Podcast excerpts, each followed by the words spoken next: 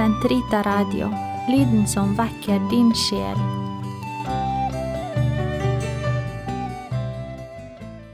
Kroppens teologi, en kommentar til pave Johannes Paul 2.s onsdagskatekeser av Eirik Ambrosius Stenhoff. Totus tuus ego sum, et omnia mea tua sunt, archipio te in mea omnia, prebe mi cor tum Maria. Første del av onsdagskatekesene, triptyken om kroppens teologi. Kristus taler om oppstandelsen. Episode 13 Kjødets oppstandelse og kroppens nye betydning. Katekesene 64 til 72. Del 1 Han er en gud for levende. Oppstandelsen som nøkkel. Katekesene 64 og 65. Vi er kommet til den tredje og siste delen av triptyken om kroppens teologi, som befinner seg på slutten av den første hoveddelen av onsdagskatekesene. Den første delen av triptyken handlet om begynnelsen, om menneskets erfaringer i urtilstanden. Den andre delen handlet om tiden etter syndefallet, altså om den historiske realiteten vi mennesker lever i. Den tredje delen handler om kjødets oppstandelse og de siste ting, det som i kristen teologi kalles for eskatologien eller endetidslæren. Kroppens eller kjødets oppstandelse er en del av vår trosbekjennelse. Helt til slutt i det apostoliske trossymbolet heter det at vi tror på kjødets oppstandelse og det evige liv. Det er en ofte lite omtalt eller lite forstått del av troen, den som dreier seg om fremtiden og de endelige ting. Men denne dimensjonen er, som vi også skal se i de neste tre episodene, helt sentral.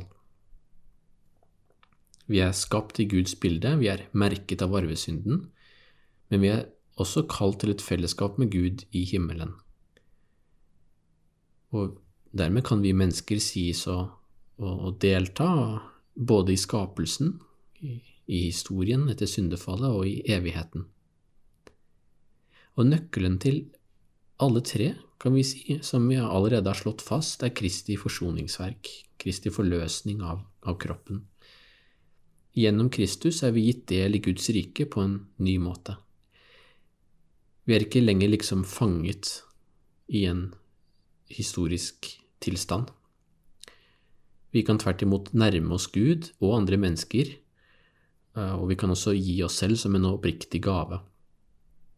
I den første og andre delen av triptyken så vi hvordan mennesker kan komme til en erkjennelse av seg selv som en person som er kalt til kjærlighet. Det skjedde naturligvis i begynnelsen, slik den mektige skapelsesberetningen i Første Mosebok kapittel to eh, vitner om. Men det skjedde også i en forstand på en ny måte etter syndefallet, etter at mennesket hadde mistet den opprinnelige erfaringen av Gud som menneskets dypeste virkelighet, som er gave og kjærlighet. Pave Johannes Paul 2. viste her at ved å peke på menneskets hjerte kunne Kristus samtidig peke på og stake ut en ny vei for mennesket i en fallen verden. Hva kan så dette fremtidsperspektivet og de ytterste ting fortelle oss om menneskets vilkår, ikke bare på den siste dag, men allerede her og nå, i verden? Det vil være spørsmålet vi utdyper i de tre neste episodene. Paven vier relativt lite plass til den tredje delen av triptyken i onsdagskatekesene, i alle fall sammenlignet med de to første delene. Vi skal drøfte dem i sammenheng med noen andre viktige tekster fra det forrige århundrets katolske teologi, om eskatologi og også om de kristne livsformer. I denne episoden skal vi kommentere seksjonen i katekesene om kjøtets oppstandelse, hvor paven tar utgangspunkt i Kristi ord til, sadukeerne i Matteus 22, og også Paulus første brev til korinterne, kapittel 15. Det skal vi gjøre i dialog med Josef Ratzingers, senere på pave Benedikt. Eh, hans eh, verk om eskatologien, opprinnelig utgitt i 1977. I neste episode ser vi nærmere på det paven kaller for eh, avholdenhet for Guds rikes skyld, altså sølibat eller jomfruelighet. Her vil vi se hvordan både ekteskapelig og gudviet liv ikke må ses på som motsetninger til hverandre, men de deltar begge i det vi kan kalle for jomfruelighetens form. Andre senere tekster av paven om ekteskap og konsekrert liv vil bidra til å belyse dette svært viktige området av kirkens liv i den moderne verden. Den tredje og siste episoden vil være en fordypningsepisode, der vi går dypere inn i spørsmålet om kallet til kjærlighet, hva enten det er i ekteskap, presteskap eller gudviet liv. Her gjør vi bruk av den sveitsiske teologen Hans Ors von Balthasars um, mesterverk om dette temaet, Christlicher Stand, eller Den kristne stand, uh, utgitt først i 1956. Den første onsdagskatekesen om oppstandelsen ble gitt den 11. november i året 1981. Paven åpner med å kommentere at det er lenge siden sist. Nærmere bestemt et halvt år er det siden forrige katekese, for den 13. mai eh, ble paven nemlig forsøkt eh, drept, snikmyrdet, av en tilskuer på Petersplassen mens han kjørte rundt i folkemengden. Og det var like før han skulle innta podiet og gi altså denne aller første katekesen om den tredje delen av triptyken om oppstandelsen. Den første delen av triptyken tok utgangspunkt i Jesu ord til fariseerne om ekteskap i Matteus 19. Den andre delen tok for seg blant annet Jesu ord om eh, ekteskapsbrudd i hjertet. Denne delen tar utgangspunkt i sadukerende spørsmål om det såkalte leviratekteskapet. I Matteus 22 finnes også i Markus kapittel 12 og Lukas kapittel 20. Hele avsnittet hos Matteus lyder som følger. Samme dag kom noen sadukere til Jesus. Det er de som hevder at det ikke er noen oppstandelse. De la frem for ham et spørsmål. Mester, sa de, Moses har sagt, om en mann dør barnløs, skal hans bror gifte seg med enken og gi sin bror etterkommere. Nå var det en gang syv brødre hos oss. Den eldste giftet seg, men døde barnløs, og etterlot sin kone til den nest eldste broren. Det samme hendte med ham, og med den tredje, ja, med alle syv. Sist av dem alle døde kvinnen. Når de så oppstår, hvem av de syv skal da ha henne som hustru? Alle har jo vært gift med henne.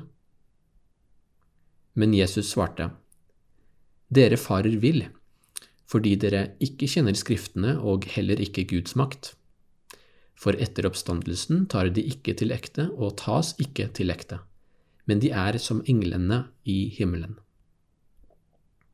Og har dere ikke lest hva Gud har sagt dere om de dødes oppstandelse? Jeg er Abrahams Gud og Isaks Gud og Jakobs Gud. Han er ikke en Gud for døde, men for levende.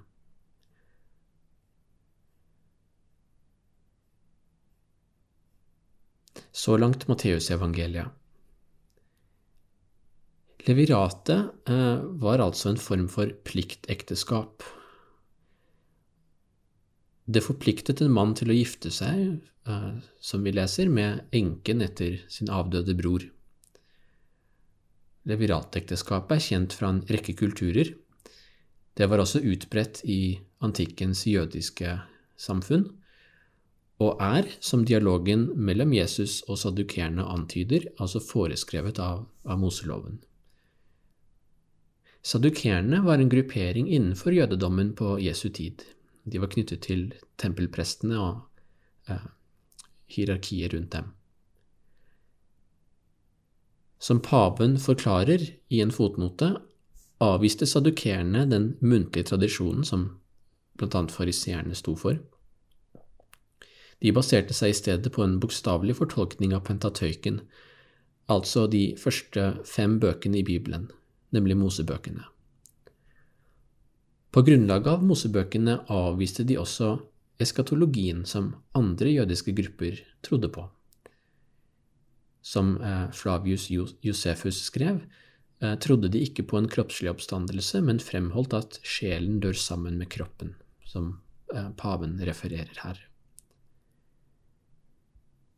Og derfor har naturligvis også denne utvekslingen mellom Jesus og hans meningsmotstandere et skeptisk eller sågar fiendtlig tilsnitt. De ønsker å sette ham fast ved et fiffig teologisk resonnement eller tankeeksperiment. Antagelig har de alt hørt om den tilsynelatende nokså strenge forkynnelsen til Jesus om ekteskapets ubrytelighet, kanskje noe om hans endetidslære også. Det blir for dem en anledning til å demonstrere egen rettroenhet. Så spørsmålet er, dersom en kvinne gjennomgår eh, leveratekteskap med syv ulike menn, hvem vil hun da være gift med på den siste dag, idet de oppstår fra de døde? Men nok en gang avviser Jesus hele premisset i spørsmålet.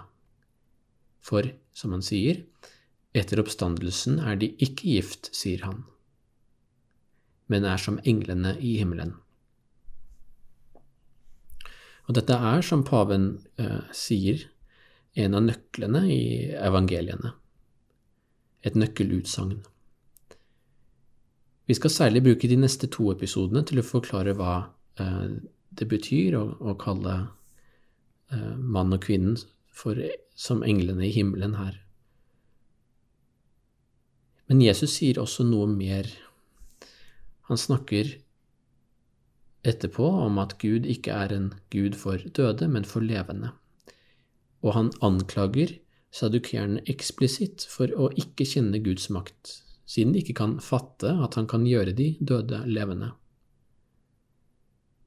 I Markus evangelists versjon av denne dialogen legger Jesus til at de dødes oppstandelse er beskrevet i Mosebokens fortelling om tornebusken. I annen Mosebok, kapittel 3, presenterer Gud seg um, for Moses nettopp som følger Jeg er den jeg er, og eh, Abrahams, Isaks, Jakobs Gud. Det Jesus her også antyder, er at tornebusken, som, som brant, men ikke ble eh, oppslukt eller eh, ødelagt, er et tegn på den levende Guds kraft til å vekke de døde til live. Paven mener vi må forstå Jesus' svar til sadukerene nettopp slik. Referansen til Abrahams, Isaks og Jakobs Gud er neppe en from formulering, men vitner om, eh, sier paven, at Gud gir liv til de som lever for ham, og dermed har liv, selv om de i en verdslig forstand for lengst er døde. Vi merker oss her at Jesus ikke enda taler om sin egen oppstandelse, som selvsagt er nøkkelen også til vår eh, egen. Han er i stedet opptatt av å legge grunnlaget eh, for den, så å si, ved å peke på vitnesbyrdet om den levende Guds kraft på sadukernes egne premisser, altså ut fra Mosebøkene. Den levende Gud ønsker å stadfeste en pakt med mennesket, sier paven, og dermed fornyer Gud eh, stadig selve livets virkelighet for oss. Og Kristi døde oppstandelse blir til slutt den endelige stadfestelsen av denne pakten. For den åpenbarer hva livet betyr for mennesket en gang for alle. Og Kristus er nettopp den som opplyser menneskets mysterium, slik det heter i Gaudium Spes 22 men på det tidspunktet han snakker med sadukerene, og for så vidt fariseerne, eh, er han fortsatt blant oss. Han utfører sitt messianske oppdrag. La oss helt til slutt supplere med et perspektiv fra Josef Ratzingers bok om eskatologien. Her legger han vekt nettopp på livets betydning i den kristne tro. Den kristne tro er en bekreftelse av livet, sier han, nettopp fordi den, den tror på den Gud som er de levendes Gud. Sitat Troen er en tilslutning til livet, selv når det overskygges av lidelse. For selv da forblir livet en Guds gave, og det åpner oss opp for nye muligheter for eksistens og mening. For den kristne tro finnes det ikke noe slikt som et liv som ikke er verdt å leve. Sitat slutt.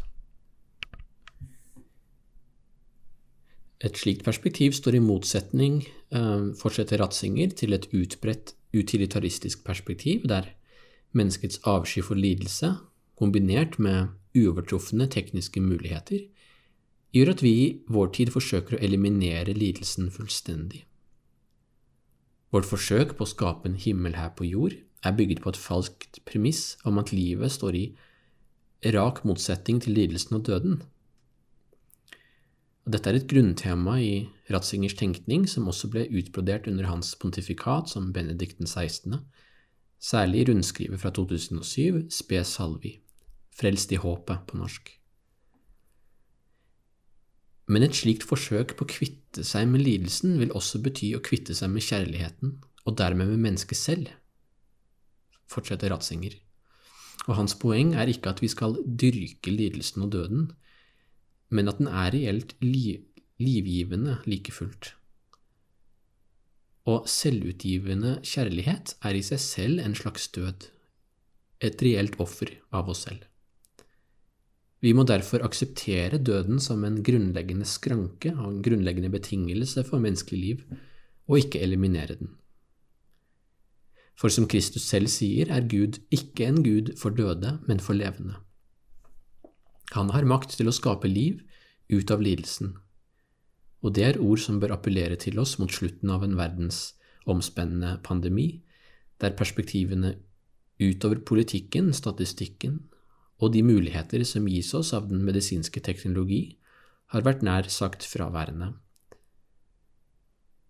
I neste del skal vi se på hvordan oppstandelsen kan sies å gi en ny mening til kroppen, og samtidig et revolusjonerende perspektiv for hvordan vi kan leve her og nå.